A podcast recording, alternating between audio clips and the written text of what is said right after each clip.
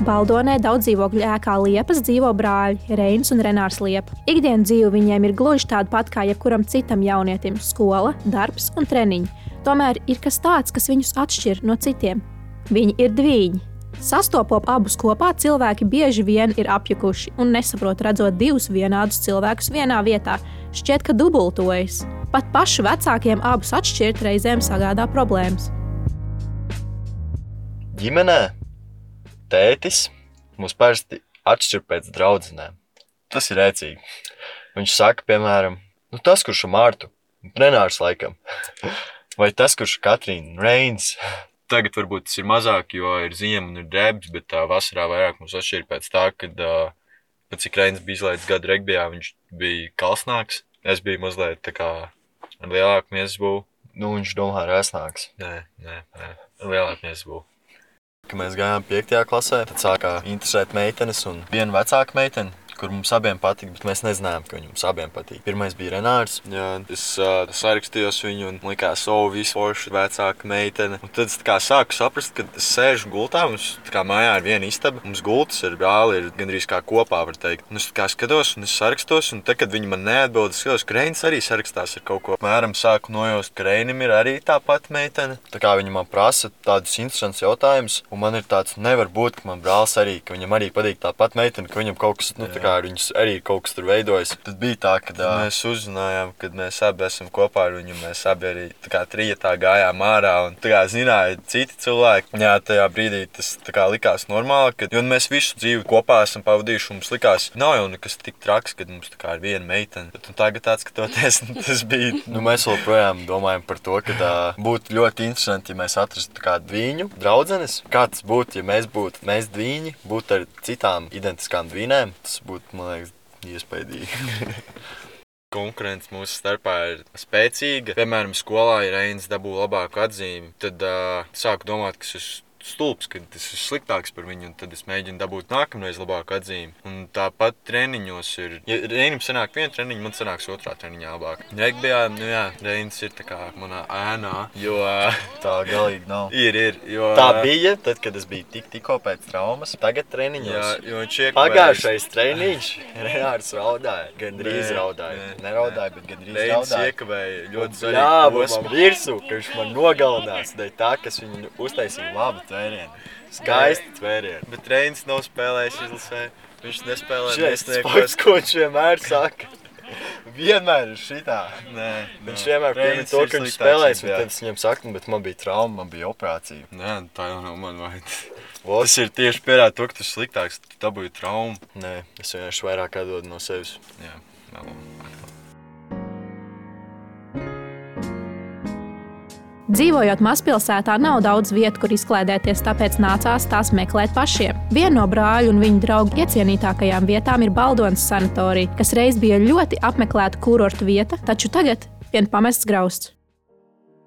Mēs gājām apmēram 7. un 8. klasē. Mēs gājām muzikas skolā. Un mums bija parastās stundas, un pēc parastajām stundām mums bija klavieru stundas. Mums tajā starpā parasti bija kādas trīs stundas. Kādreiz populāra vieta Baldonē jauniešiem bija sanatorija. Un, viņu bieži kāds apsargāja, vai tur bija apsargi, vai brīvprātīgi cilvēki vienkārši skatījās, vai tur neiet jaunieši, un tad sauc policiju, ja tur ir jaunieši. Brīvajā laikā dažreiz aizgājām, un tad bija stāsts, kad mēs gaidot klavieru stundu ar klases biedriem aizgājām uz sanatoriju. Kā iegājām iekšā, mēs uzgājām uz astoto stāvu, kur ir jumts. Mēs redzējām, kad brauc policija. Mēs domājām, ko darīt, mēs sākām skriet lejā. Mēs skrējām lejā, mēs sapratām, ka policija jau ir ēkā. Mēs skrējām atpakaļ uz septīto stāvu. Mēs bijām kaut kādi septiņi cilvēki, un mēs ielīdām mazā istabiņā, kur pielikām priekšā durvis. Mēs gaidījām, kamēr policija izstaigās to ēku, un mēs domājām, kā tikt prom. Un gaidot, mēs tā kā sēdējām, un mums klases biedrs, mēs skatāmies, kad viņš atslēdzas vienkārši. Mēs runājam, tā kā visi klusām čukstam, un viņš atslēdzas. Un mēs tā kā nesaprotam, kas notiek, un viņš pamostās, un viņš tā,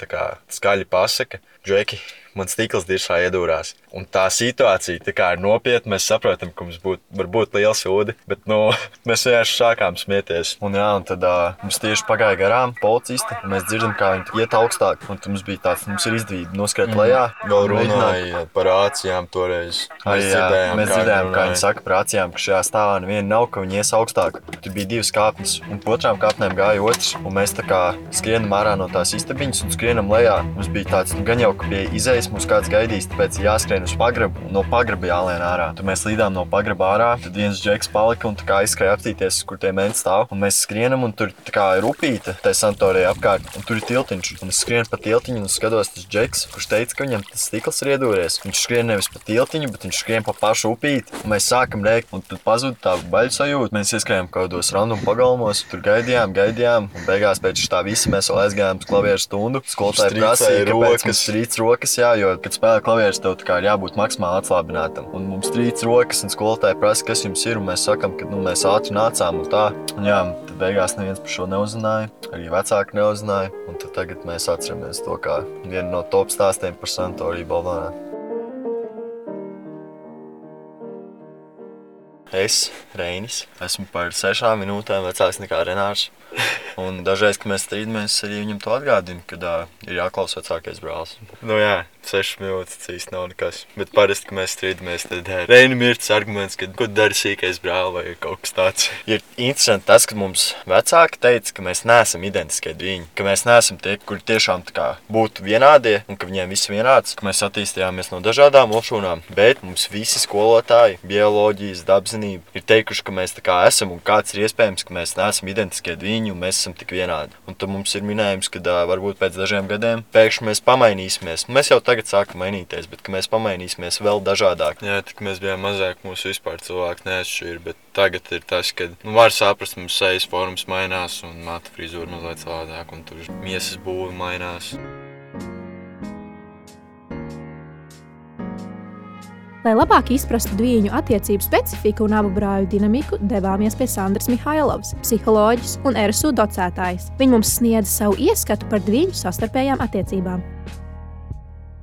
Klasika ir tāda, ka divi nebūtu ne tik labi nedzīvo. Tā konkurence jau sākas grūtniecības laikā. Viņi konkurē par telpu mātes dzemdē. Tālāk ir konkurence, kurš pirmais piedzims. Jo arī tad, ja viņi piedzims tur ar divu minūšu atšķirību, viņi savā starpā vadās, ka viens ir vecāks un otrs ir jaunāks. Un jaunākam jāpakļaujas vecākiem.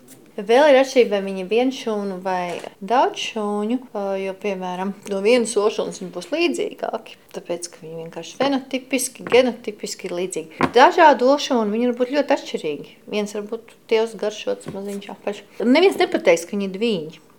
Bet viņi ir divi. Var būt gan tajā variantā, kāda kā kopija, gan arī til, pilnīgi pretmets. Un sadzīvo parasti viņi nu, no pusauģa vecumā.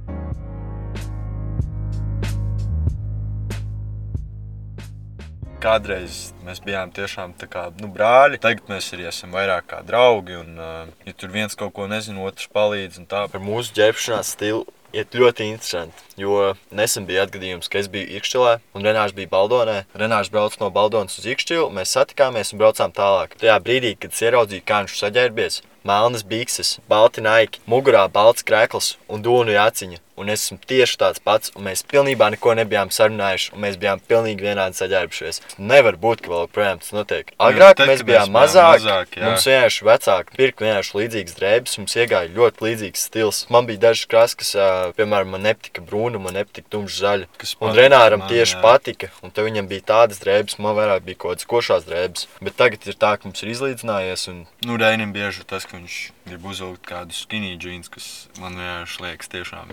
Es nesaprotu, kā var vilkt skinny jeans. Tad es labāk kaut kādas baggy bija. kad pēdējo reizi redzēju, ka man ir skinny jeans, ļoti nesen reini. viņš melo.